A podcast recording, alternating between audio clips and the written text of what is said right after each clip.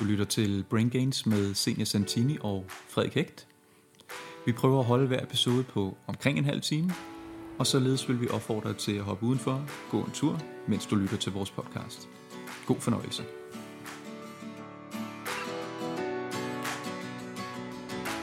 Ja, og øh, hvad skal vi snakke om? Det her det er vores øh, allerførste episode, og det vi skal snakke om i dag, det er sundhedsforvirring, øh, som der ligesom er vores startskud.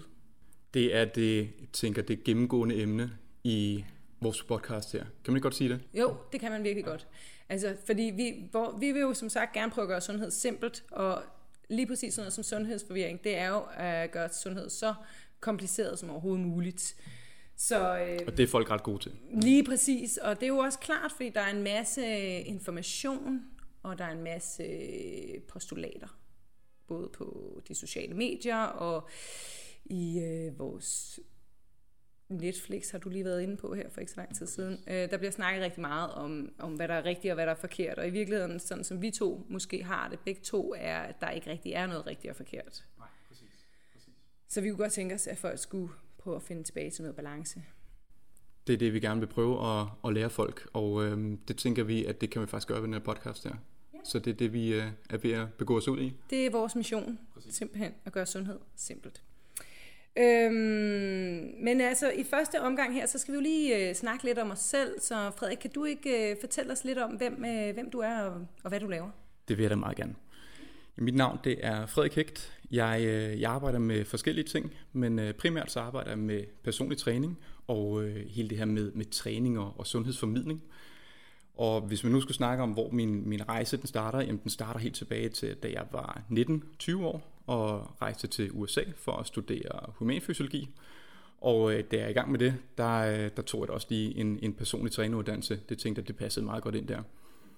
Så kom jeg tilbage til Danmark igen for at studere fysioterapi. Og øh, efter noget, noget tid, øh, efter min uddannelse, der tænkte jeg, at det, det kunne egentlig være meget sjovt at, at prøve at bruge kræfter på at gå selvstændig. Øh, og i takt med, at jeg gik, gik selvstændig, så gik jeg sådan lidt væk fra, fra fysioterapien og begyndte at arbejde sådan lidt mere med, med træning, hvor der særligt var, var fokus på at øh, særligt var fokus på at få folk til at, at blive mere glade for at være aktiv og generelt bare lære at være mere, lidt mere glad for deres krop. Øh, det, det var sådan, det var sådan det, det fokus, jeg, meget af det fokus, jeg har med, med træningen. Så det, det var sådan lige, lige hurtigt om mig. Øh, men senior, hvad, hvad er du for en?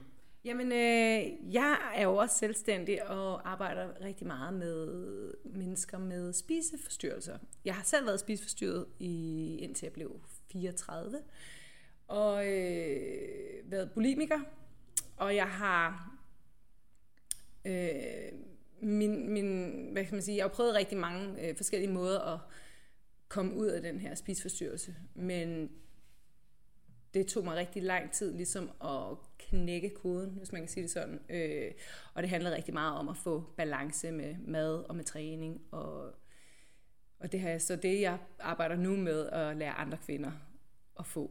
Så, øh, så jeg arbejder med spiseforstyrret. Og øh, jeg har oplevet, at øh, i mine... Øh, altså, jeg tror, at de fleste kvinder, altså jeg vil nærmest sige sådan 9 ud af 10 kvinder, har et... Øh, et forstyrret forhold til at spise. Og det, øh, som jeg ser det, er altså spiseforstyrret. Øh, man behøver ikke at være hverken sådan anoretiker eller bulimiker for at være spiseforstyrret. Man kan godt befinde sig sådan længere ind mod midten, og det er som dem, som jeg kalder spiseforvirret. Øh, og det er jo også lidt det, vi skal snakke om i dag med spiseforvirring. Der er, der er jeg meget enig. Altså man, man ser dem, der, der har meget, meget, meget, meget forstyrret forhold til, til kosten, men man ser i den grad endnu mere dem, som måske ikke har det helt så forstyrret, men de er stadig i en eller anden grad forvirret med, med deres kost og hvordan de spiser, og har et svært forhold til, til hvad de ligesom prøver i munden. Ikke? Og nu, øh, nu siger du selv, at du har, du har ret god erfaring med, med, med det, som du, du så også arbejder i dag, og øhm, jeg vil også mene, at jeg i, i, i en eller anden grad har været spiseforvirret. Jeg har været træningsforvirret.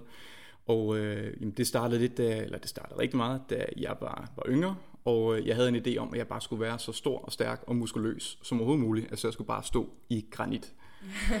øhm, og det var, det var ligesom, en, det var ligesom en, en opgave, som jeg tog, tog sygeligt seriøst, synes jeg godt, man kan sige. Øhm, både med hensyn til maden og til træningen. Og det var altså til et punkt, hvor det ligesom blev en, det blev en besættelse simpelthen. Ikke? Det fyldte hele mit liv. Jeg havde den idé om, at jeg skulle træne fem gange om ugen, jeg skulle spise seks måltider om dagen, jeg skulle nå mine, mine makrotal, altså jeg skulle nå min, min, min proteinindtag og, og, og, og nå at få en, en korrekt mængde kulhydrater og fedt osv. osv. Øhm, og, og der, hvor jeg ligesom begynder at se det som en, en besættelse, eller altså den her de, dedikation, at når det bliver noget, noget skidt, jamen det er, hvis jeg så ikke når de ting der, så får man det virkelig, virkelig dårligt med sig selv. Ikke? Ja. Øhm, og det, det kunne jeg, det tror jeg også, du kan genkende til, ikke? det er, når man har sat sig for nogle bestemte mål, og man så ikke opnår den, så har man det bare her dårligt op i hovedet. Ikke?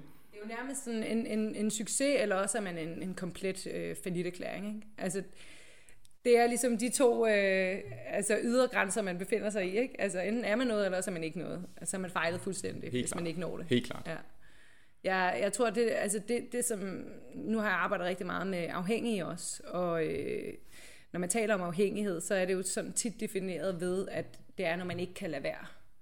Og det lyder jo, som, som du også beskriver det her med at være sådan træningsafhængig, eller måske endda sådan lidt ortoreksisk øh, så er det jo også, når man ikke kan lade være, når man ikke kan, altså når man, når man øh, altså lige pludselig medbringer sin egen mad, når man skal ud og være social, fordi man kan ikke spise øh, det, der bliver serveret ude, eller man ved ikke, hvad der... Altså man har den her sådan ekstreme kontrol, og netop, som du siger, den fylder det hele.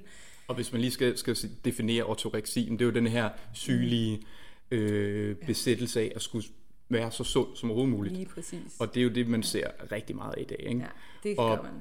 Det er jo det er især det, som, som du arbejder med. Det er især der, det, og så er det øh, også især øh, anoreksi og bulimi og overspisning. Ja. Og det er jo også lidt det, som vi, som vi snakkede om, at vi måske kunne komme lidt ind på i dag, det, det her med, øh, fordi, fordi sådan som jeg egentlig, der er rigtig mange øh, mennesker, som der, har, som der udvikler øh, spiseforstyrrelse, i min erfaring i hvert fald, som, som resultat af mange slankekurer, eller mange dogmer inden for sundhed. Altså så kunne det være for eksempel øh, sådan noget som øh, kulhydratforskrækkelse og fedtforskrækkelse, som der var i, sådan, i, øh, i 90'erne og 0'erne. Og, øh, og der, der, der er så mange, øh, der er så mange øh, ting, som vi ikke må, og jo flere ting, der ligesom bliver sådan lagt ovenpå af ting, man ikke må, eller man skal spise øh, flydende kost ind til klokken 12, eller jeg har prøvet øh, rigtig mange af dem. Og jo mere jeg prøvede, og jo mere jeg be, altså, kastede mig ud i de her forskellige diæter, øh, jo mere forvirret blev jeg. Helt klart. Og det, og det er som om, at det, altså, der, kommer, der kommer en ny forskrækkelse. Øh, nu, nu nævner du lige selv fedtforskrækkelsen, som, som, øh, som kørte meget der i, i 90'erne, og så så kom der nogle studier, der viste, at kulhydrater, det var måske heller ikke helt godt, og så begyndte den her kulhydratforskrækkelse at komme. Øhm, så har der været sukker, der har været salt, der har været mælk, sådan mejeriprodukter, gluten og, og, og, og sådan meget kunstige ting. Ikke? Mm. Øhm, ja. Og det er som om, der hele tiden... Alt der, der, præcis alt, hvad der er forarbejdet. Ja. Øhm, det, det er som om, der kommer, der kommer en ny forskrækkelse hele tiden, og selvom der er en ny forskrækkelse i fokus, jamen, så er det ikke fordi, de andre forsvinder. Det er som om, at altså, man husker stadig de andre forskrækkelser, og det fylder stadig rigtig meget i kosten. Ikke? Øhm, og, og det er sådan, øh, altså, det man, man, man generelt kan sige, det er, at det der er, det man samlet set kan sige om alle de her forskrækkelser her, det er, at de, skulle, de er ofte totalt uberettigede. Der er ikke nogen grund til at være, at have den her forskrækkelse her over for de her ting. Øhm, hvis vi tager kulhydratforskrækkelsen. Mm. Grunden til, at, eller en af grundene til, at, at, at øh, folk de kul, kulhydratforskrækket, det er, at man har fået den her idé om, at det er især de, de simple kulhydrater, som man for eksempel finder i, i, i brød og kage, frugt, slik, sådan nogle ting der, mm. at det er simpelthen bare blevet erklæret for usundt. Det, det skal man ikke have. Øhm, Hvorfor det er sådan, det skulle lidt svært at svare på, og det tror jeg heller ikke, hvis man spørger en, der er kulhydratforskrækket, og spørger dem ligesom, hvorfor er det, man ikke må, må spise de her simple kulhydrater, de kan sgu ikke rigtig svare på det.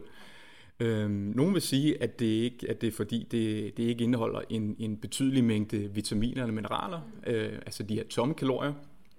Men hvis man lige kigger sådan lidt mere, øh, lidt mere smart på det, så kan man jo ikke sige, at den her mangel alene er nok til at stemple kulhydraterne som værende usunde, eller noget, man skal, man skal være forskrækket over.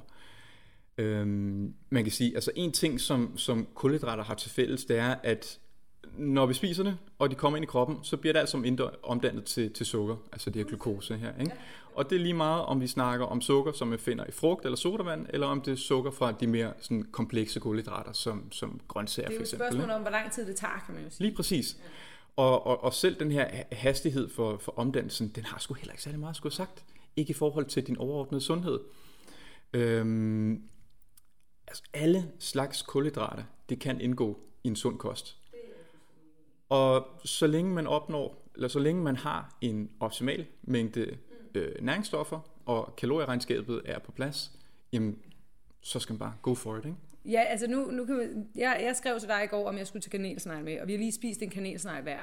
Øh, og hvis man kigger på dig, hvis man kigger på dig, så ligner du ikke en, som der øh, har brug for at fjerne kulhydrater for din kost for at nå en bestemt et bestemt mål. Altså jeg synes ikke i hvert fald. Nej, vel, og det jeg lidt tænker, det er sådan, altså hvis man kigger på folk, altså nu, nu sad jeg her for ikke så lang tid siden og, og snakkede med nogle øh, mennesker, øh, hvor øh, den ene af dem var meget overvægtig, og hun sagde, at kulhydrater det var det værste i verden, og øh, man skulle i stedet for bare øh, spise rigtig meget fedt. Øh, olie, hun arbejder selv med at sælge olie, øh, og synes, at olivenolie det var faktisk det bedste, man kunne spise, og det var det sundeste, og, øh, og kulhydrater var det værste. Og så øh, kiggede jeg over på en af de her sådan, medkursister, som der var med, og, øh, og så spurgte jeg hende, spiser du kulhydrater? Ja, hun elskede brød, og hun elskede kulhydrater. Og, så, og hun var meget øh, slank, kan man sige. Og derfor så kan man sådan allerede der sige, jamen altså hvis man bare også kan bruge lidt sin sunde fornuft, og hvis man kender nogen, som der spiser kulhydrater, og alligevel øh, formår at holde en øh, normal vægt, så er kulhydrat nok ikke så slemt, som man kan gå og bilde sig selv ind. Det er i hvert fald øhm, rimelig logisk at tænke sådan, ikke? Jo, altså så kan man i hvert fald sådan, lige sådan lave sin egen sådan markedsresearch og kigge rundt og se, dem, som der spiser ris, kulhydrat og sådan nogle ting der, øh, både de simple og de øh, komplekse, jamen øh, hvis de ser nogenlunde øh, normale og i balance ud, så er de det nok også. Øh, og jeg sad og tænkte på i går, øh, der fik jeg risengrød til aftensmad, og det var sådan noget, jeg aldrig ville have spist, da jeg selv var kulhydratforskrækket, for jeg var sikker på, at kulhydrater var noget af det værste, jeg kunne byde min krop, for jeg var helt sikker på, at jeg ville blive tyk af det, og jeg tænkte meget på at komme i sådan noget ketose og sådan nogle ting der. Men hvad, øhm. hvad, var, hvad var ligesom årsagen til, at du tænkte de ting? Men altså, det, lige på det tidspunkt, der var det rigtig meget op i tid med sådan noget paleo, og der var det meget sådan med sådan noget øh, grove, øh, uforarbejdede fødevarer, som du også selv nævner. Og lige sådan i kølvandet på paleo, eller også var det lige før, det kan jeg ikke huske, hvem der kom først, men øh, der kom hele det her sådan low carb, high fat revolution, og ligesom sådan farede alt af bordet og sagde, at det er den her måde, vi skal gøre det på. Og jeg synes jo, det lød fantastisk, at man bare kan sidde og æde brie i, øh, du ved, stridestrømme, og så kan man bare spise det i stedet for chips. men, øh, men, men, og jeg synes, det lød helt vildt, at det, at det skulle kunne lade sig gøre. Så, øh, så jeg tænkte, der må være noget om det. Og så prøvede jeg selv at sådan spise øh, uden kulhydrater og lavede øh, blomkålsris og sådan nogle ting der. Og jeg vil sige, at de første par dage, der virkede det for mig, og det var også sådan, det jeg tænkte sådan, okay, jamen, så, må der jo, så må der jo være noget om det, fordi det virker jo, altså, jeg synes, at jeg følte mig sundere efter to dage, så sund som man nu kan blive. Øhm, men så, øh, så tænker jeg også, at meget, meget af grunden til, at jeg tror, at jeg følte mig sundere, var, fordi jeg gik og faktisk havde sådan lidt kvalme konstant. Altså, men øh, man, får det ikke, man får ikke særlig fed energi og sådan fordøjelse og sådan noget af at bare spise øh, proteiner og fedtstoffer. Øhm, har du prøvet at, at være, altså at udelukke kulhydrater? Det har jeg ikke prøvet, og gudskelov, fordi jeg, altså, kulhydrater, det er helt klart min yndlings makronutrient. Ja. Det er simpelthen, det, det, det er for nice, det synes jeg. Ja. Og, øh, og, og det er meget sjovt, altså en af, øh, en af de årsager, jeg hører til, at man, skulle, man, man bare skal kvitte kulhydraterne, det er baseret på, på, på det faktum, at man kroppen faktisk ikke behøver kulhydrater. Øhm, som du selv nævner, man, hvis man ikke får kulhydrater, så går man i ketose, og øh, der begynder man at danne nogle stoffer, som, som, er, som kroppen har brug for, for at skulle, øh, for at skulle, skulle overleve, og det er det, som, som man kan bruge i stedet for, for kulhydraterne. Øhm, så jo, man kan samtidig godt droppe kulhydrater og, og stadig øh, fungere i, i hverdagen, men det er sgu bare ikke noget særligt godt argument for at sige, at kulhydrater er usundt jeg ved ikke, hvor mange, der kan forestille sig et liv uden pasta, uden brød, uden ris, uden kartofler, frugt, kage, altså så videre. Øh, hvis man kan det, jamen fedt nok, så kan man sagtens leve sit liv som øh, en, øh, en low carb entusiast. Øh, men hvis ikke, jamen, så kommer der sgu ikke noget særligt godt ud af at begrænse ens indtag af, af kulhydrater i øh, for meget i hvert fald. Nej. Altså jeg vil sige, jeg, jeg synes ikke, jeg blev et bedre menneske af at øh, ikke at få kulhydrater, tværtimod. Altså jeg, jeg, jeg, jeg rendte rundt hele tiden og var sådan lidt hangry. Øhm, og edgy, og havde ikke sådan rigtig noget energi. Og det er jo også klart, hvis kroppen netop skal tage øhm, og omdanne øh, det her fedt øh, til ketonstoffer, som man har noget energi, fordi kroppen simpelthen kører med lavt blodsukker hele tiden, jamen så, øh, så har man måske heller ikke så meget at give af. Altså jeg kunne også mærke det på min træning og sådan noget. Men dengang, det var faktisk inden jeg begyndte også sådan at forstå sammenhæng mellem træning og kost og få balance og måltider nok. Så der kunne jeg jo leve sådan uden kulhydrater i lang tid, indtil jeg fuldstændig kammede over, og så blev jeg inviteret til en anden øh, brunch, og så var der boller, og så spiste jeg jo ikke kun én øh, sådan krydderbolle med smør. Jeg spiste måske otte. Altså, jeg, jeg gik direkte fra at være et kunst, altså, helt vildt øh, restriktiv til at bare at fuldstændig overspise kulhydrater. Og det tror jeg, det, det lige præcis det, du nævner der, det er en ting, som alle kan skrive under på, at det har de oplevet i en eller anden forstand. Og det er ofte det, man ser. Det er også noget, jeg snakker rigtig meget med mine klienter om, og det går jeg stærkt ud fra. Det er jeg sikker på, at du også gør med dine. Det her med, at når man, når man demoniserer en, en madvare, når man siger, det her, det må jeg ikke spise, jamen hvad fanden sker der så op i hovedet? Du tænker, hold kæft, hvor har jeg lyst til det her. Ikke? Ja, så, så begynder man bare at tænke på det endnu mere. Og når man så falder i, hvilket man gør, man kan ikke undgå det, når man så kommer til at spise de ting, de forbudte ting, de, de kulhydrater, man nu har demoniseret, jamen så sker der nemlig det, at man kommer til at overspise i en kolossal grad. Fordi så tænker man, okay, nu er jeg faldet i, det var noget lort, nu kan jeg lige så godt gå all in. Nu går jeg, går jeg all in, fordi det hele er ødelagt alligevel. Ja. Så spiser man langt, langt, langt mere, end hvad man havde ellers gjort, hvis man havde et, et, et lidt mere nuanceret, lidt mere sundt forhold, vil jeg sige. Det er også klart, til... hvis, hvis, hvis man starter forfra igen på mandag, med ikke at må spise kulhydrater, så havde jeg, min logik sagde mig, at så skal du spise alt det, du overhovedet kan komme i hovedet nu, fordi på mandag starter kuren igen. På mandag må du igen ikke få det. På, på mandag er det igen sådan off limits. Så jeg var bare nødt til at spise så meget jeg overhovedet kunne. Det var nærmest sådan en kapløb. Altså jeg kunne stå klokken øh, 11 53 om aftenen og stå sådan bukket hen over øh, køkkenskabene og så bare sådan spist alt, hvad der var af knækbrød og, og, øh, og chokolade og sådan. Alt, hvad jeg havde i skabene, altså det blev fuldstændig tømt for det der, fordi når klokken var over 12, så, så startede jeg igen på ikke at spise kulhydrater. Og det kan man sige, det er jo også den her ubalance, som der gør, at og det, og det gælder jo både kulhydrater, men i det hele taget alt, hvad du, som du også selv nævner, der bliver sådan demoniseret. Altså jeg kan huske, at jeg gik rundt på gaden, og jeg så folk som sådan nogle omvandrende Marsbar. Altså, jeg tænkte ikke på andet end kulhydrater, fordi jeg måtte ikke få det. Ikke også? Og det hele det handlede om, hvor god jeg var til ikke at sætte mig selv i en situation, hvor jeg skulle vælge fra eller til. Så for eksempel, hvis, vi blev, hvis, hvis, hvis, hvis der var et eller andet socialt arrangement, så sagde jeg helst nej til det, fordi jeg vidste ikke, hvad hvis de har pizza så kan jeg ikke, så, hvad hvis jeg ikke kan sige nej til det? Fordi jeg vidste ikke, hvad, hvad sker der, hvis jeg åbner for de her sådan, floodgates, så kommer det bare til at, altså så er det ikke kun en pizza, så er det en pizza, og så kører jeg også forbi tankstationen, og så kører jeg tre poser chips og to pakker Ben Jerry's, og så stopper jeg ikke. Så jeg er altid bange for at komme ud i de der yderpositioner, for jeg vidste ikke, hvor det ville drive mig hen. Og jeg vidste, jeg var ligesom nødt til at vente på, at der var et nyt starting point. Jeg var, man stopper jo ikke bare, når man har spist, når man har overspist ved et måltid. Sådan havde jeg det i hvert fald ikke. Jeg stoppede måske Altså, jeg var nødt til at starte på en helt frisk dag for det første. Men det var ikke altid, jeg kunne heller ikke stoppe midt på en fredag. Så havde jeg lige weekenden også over, hvor jeg overspiste. Altså, så var en hel uge, eller en hel weekend med overspisning. Og ofte havde jeg det også sådan, at jeg kan ikke starte midt på en måned. Jeg er nødt til at vente til den første. Ikke også? Så det er jo lang tid, man kan være i sådan en overspisningsstadie, hvis det hele handler om at, altså at spise alt det, man kan, indtil man får det her nye starting point. Ikke? Det er et hul, som, som man kan sidde fast i, i i meget lang tid. Ikke? Og det er også i, i den periode, der kan man nå at indtage ekstremt mange kalorier. Netop på grund af, at man, man har den der alt den der øh, mentalitet der. Ikke? Det, øh, jamen, hvad, så med, hvad med fedtforskrækkelse?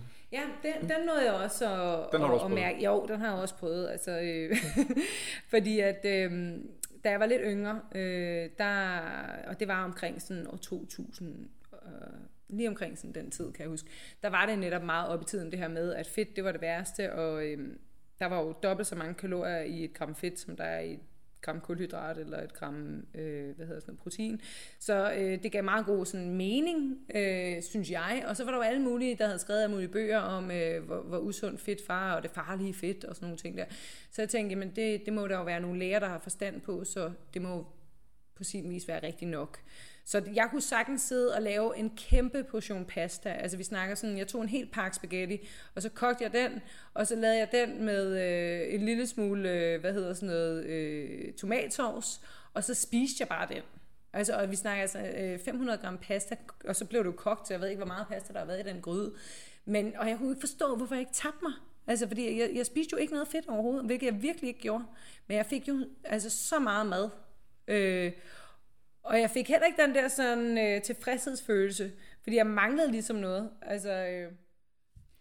det, det er sjovt, det du nævner, det med, at du nærmest ikke spiser fedt, men alligevel så oplevede du, at du faktisk tog på. Ja. Og det, det er sjovt, altså der, er, der, der, der er mange, der tror, at, at man bliver fed af at spise fedt. Og øh, det, det kan måske godt i en eller anden forstand give mening op i hovedet, at nu, nu, nu indtager du rent fedt, mm. jamen så må det jo sætte sig som fedt i kroppen. Ikke? Det, det kan jeg godt forstå, at nogen tænker på den måde der. Øh, det er bare ikke sådan, det hænger sammen. Det, kan sige, at det, der føder, det er kalorieoverskud. Ikke? Og det er lige meget, om det kommer fra fedt, om det kommer fra gulvdrætter, eller kommer fra proteiner. Ligger i kø, kalorieoverskud, så tager du på. Øhm, og det, det er sgu også en af de ting, som, som er vigtigt at, at, at huske på, det her med, at jamen, der er ikke, om vi snakker kulhydrater, om vi snakker fedt, om vi snakker om andre ting, proteiner for den sags skyld, der er ikke én ting, der feder mere end andre. Der er noget, der er lettere ved at spise mere af, men i bund og grund så handler det om de kalorier, som, øh, som du får, får indtaget. Ikke? Jo, men det er fuldstændig rigtigt. Og nu, nu nævnte du selv det her med, med at man, man har det her, man har det gode fedt, man har det dårlige fedt, og, og hele den her snak, det er det, man kalder for mættet og umættet fedt. Øhm, det er især det mættede fedt, som har, som har fået en, en del, en del tæv gennem årene, øhm, da man har ment, at, at det her med for meget fedt, at det kunne resultere i forhøjet kolesteroltal, og det giver så overforkaldning, giver så blodprop, og det er sgu ikke særlig fedt at få. øhm, men det er et svært emne at snakke om. Det er et meget øh, komplekst emne, men det man ved i dag, det er, at det er sgu ikke så sort og hvidt. Det er ikke så sort og hvidt som at sige, at vi har noget, noget farligt fedt, og vi har noget godt fedt. Det er langt mere nuanceret, og man kan ikke umiddelbart sige, at det mættede fedt er så meget værre end det umættede fedt. Øhm, så det er endnu en grund til, eller det er endnu et eksempel på, at vi tager en forskrækkelse og gør den fuldstændig uberettiget. Altså der er ingen grund til at have den her forskrækkelse her.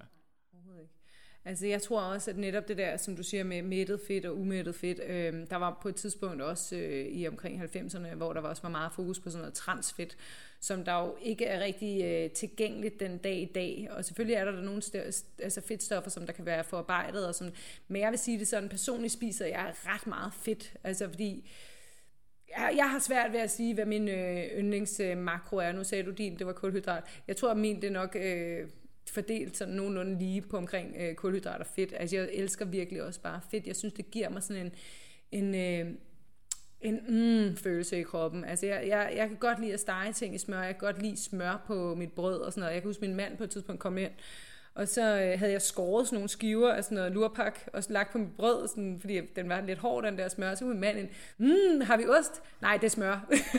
og det er bare, altså det er så meget smør, jeg godt kan lide. Ikke også? Men som du selv siger, så hvis, man, hvis, hvis fedt virkelig var sådan en øh, kriminel øh, makro, så, øh, så tror jeg ikke, jeg ville kunne spise de mængder fedt, som jeg gør. Øh, og, jeg, og det er netop som du siger, jeg, jeg tror, jeg spiser nogen, altså jeg spiser lige omkring det, som jeg har brug for. Og jeg tror, at det, der er det vigtige, det er, når man er i balance med sig selv, når det er, at man har, øh, når man er, at man ikke kommer ud i de her overspisninger, ud i de her ydre grænser hele tiden, når man bevæger sig lidt længere ind mod midten, jamen så har man plads til at gå lidt til den ene side og lidt til den anden side, fordi man kan bare komme ind til midten igen. Og jeg tror, det er det, der ligesom kan gøre, at man Øh, at man, at, at, at, så betyder, at man får ligesom en højere buffer på en eller anden måde. Ikke også? Øh, og jeg kan i hvert fald mærke, at, at når, jeg, øh, når jeg spiser, spiser fedt, og ligesom kan lytte til min krop og sige, okay, det var det, var det jeg havde lyst til, jamen, så gør den mig faktisk også mæt. Altså, det kan godt være, at jeg får, lad os sige, øh, at min frokost den er på 400 kalorier, jamen så er det 400 kalorier, som jeg har lyst til, og, så, og det er det, jeg har brug for, fordi jeg, jeg har fået hvad skal man sige, etableret en forbindelse øh, til min krop igen, som der i lang tid har været øh, ødelagt eller forvrænget. Øhm, så derfor, så når jeg spiser et eller andet fedt, så, øh, så føler jeg, at jeg bliver sådan tilfredsstillet. Jeg får, jeg får den her følelse af, okay, nu, nu har jeg fået nok, og så holder det mig, holder det mig mæt indtil min næste måltid. Nu snakker, nu snakker du også selv om den her balance her med maden, som jeg også går rigtig meget op i at, at finde med, med, med mine klienter. Og det jeg ligesom har oplevet, det er, at nu øh, et, et, et mål, som mange har med, med både koster og træning osv., det er at komme ned i vægt. Det er vægttab.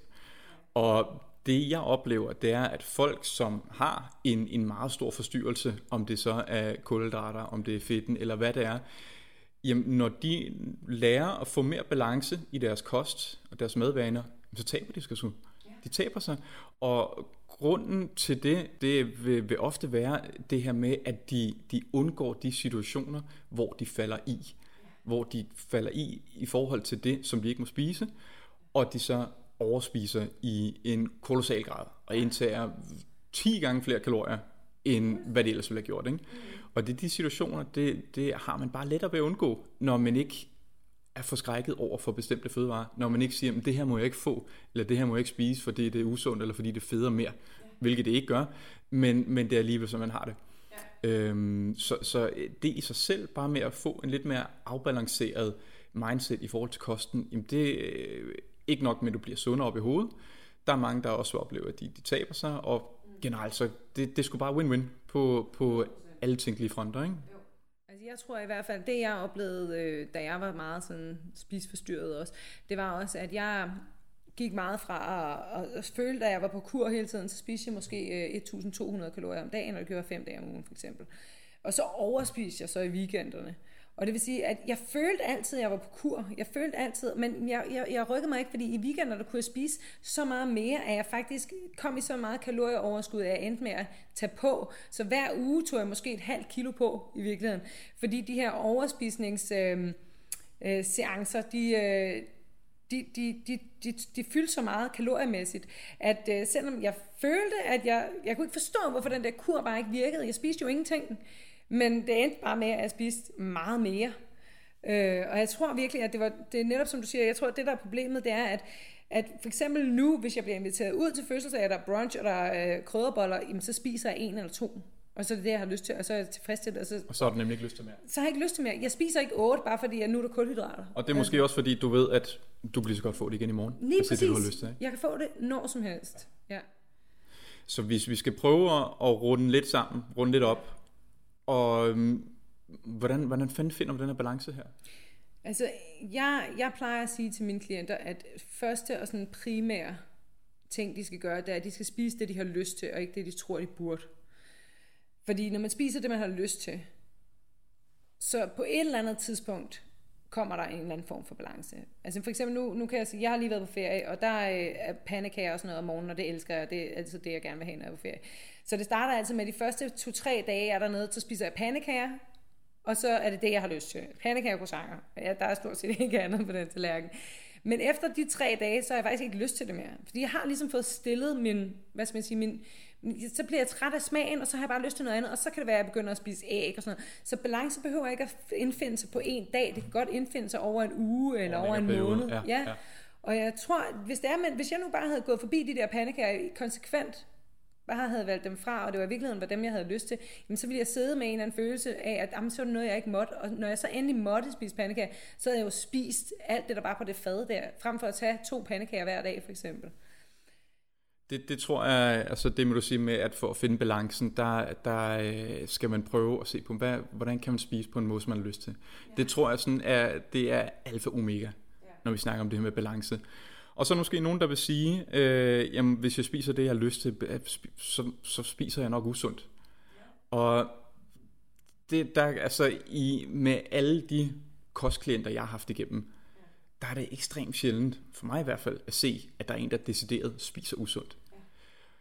Altså, det er sgu, det er meget, meget, meget mere simpelt at spise sundt, end hvad man lige tror. Ja. Spis varieret, spis på en måde, som du, så du ikke bliver, så du hverken bliver for tyk eller for tynd. Spis på en måde, så du får nogle grøntsager, noget frugt, mm. nogle forskellige ting ind gennem kosten. Bum, ja. så er du sgu ret sund. Det, det behøver ikke gøre, igen, det er sgu simpelt, det behøver ikke Det gøre er mere simpelt. kompliceret end Ja, det. og, det, og hvis du har lyst til en, øh, en brownie, så spis en rigtig brownie. Lad være med at gå ud og købe et eller andet, øh, du ved, finpålæg med noget brunt øh, øh, rå kakao på. Eller udover. Bare spis det, du har lyst til, fordi så, så har du fået det. Og jeg tror, det folk nogle gange kan være bange for, det er, at hvis jeg spiser det, jeg har lyst til, så vil jeg kun spise alle de ting, som jeg ellers ikke har måttet. Jamen, så gør det en periode. Fordi på et eller andet tidspunkt, så har du ikke lyst til det mere. På et eller andet tidspunkt. Og nogle gange, og derfor har jeg det tit sådan med mine øh, klienter, jamen, der kan godt være en periode, hvor der ikke sker noget. Fordi de skal ligesom have... Mm, jeg tror ikke, vi kan få fred med mad, hvis der er ting, vi ikke må få. Vi er nødt til at ligesom øh, frisætte alting, og så sker der sådan et eller andet. Øh, der er lidt sådan en... Øh, Ligesom øh, efter den, øh, hvad hedder den, den der øh, inflationen øh, i USA. Altså der sker et eller andet, tingene mister deres værdi, når der lige pludselig ikke er nogen sådan, når det bare er helt løst. Det bliver lige pludselig ikke så spændende mere. Nej, lige præcis. Altså det er jo klart, fordi netop som du også siger, altså hvis man går og, og ikke må, jamen så er det altid de ting, man ikke må, som der bliver mere attraktive. Og hvis du lige pludselig gerne må, så, så lige pludselig, så, så er det bare sådan, så har man ikke lyst til det. det jeg, jeg, nogle gange så har jeg lyst til et eller andet, og, så, og det man skal også nogle gange prøve at kigge på, øh, din, folk i din omgangskreds, fordi almindelige mennesker, folk der er naturligt slanke, folk der ikke har været på slankekur for eksempel, folk der ikke har ødelagt den her forbindelse med deres krop, de, kan, de spiser en gang, lidt, en gang imellem spiser de lidt for meget, og en gang imellem spiser de lidt for lidt. Men de har ikke nogen sådan, altså følelsesmæssige øh, problemer med at nogle gange spise for meget, og nogle gange spise lidt for lidt. Og hvis de har lyst til en is, så siger de ja, og hvis de ikke har lyst til en is, så siger de nej. Men det er ikke sådan, at de har opbygget den her øh, følelse af, at nu skal de spise en is, fordi nu har de alligevel snydt. Og jeg tror, derfor er det vigtigt, at man bare giver sig selv lov til, men hvis du har lyst til en is, så tag den. Og så gør det indtil, at du ikke længere har lyst til det. Fordi så mister det netop sin sådan, power over os. Tror jeg. Ej. Senia, jeg tror, det er en rigtig god note at slutte på. Det var en, en rigtig fin opsummering af, hvordan vi øh, kommer lidt mere i balance med kosten, undgår den her øh, kostforvirring, og øh, bare generelt får det lidt bedre med, hvad vi propper i munden. Ja. Er du ikke enig? Det er jeg helt enig i. Jeg synes også, øh, det var en, øh, en, en lille... Der er jo mange ting, vi kan dykke ned i i forhold til sundhedsforvirring, og det kommer vi helt sikkert også til. Du har lyttet til Brain Gains med Senior Santini og Frederik Hægt. Jeg håber, det har været en fornøjelse, og jeg håber, I lytter med igen næste uge. Tak skal I.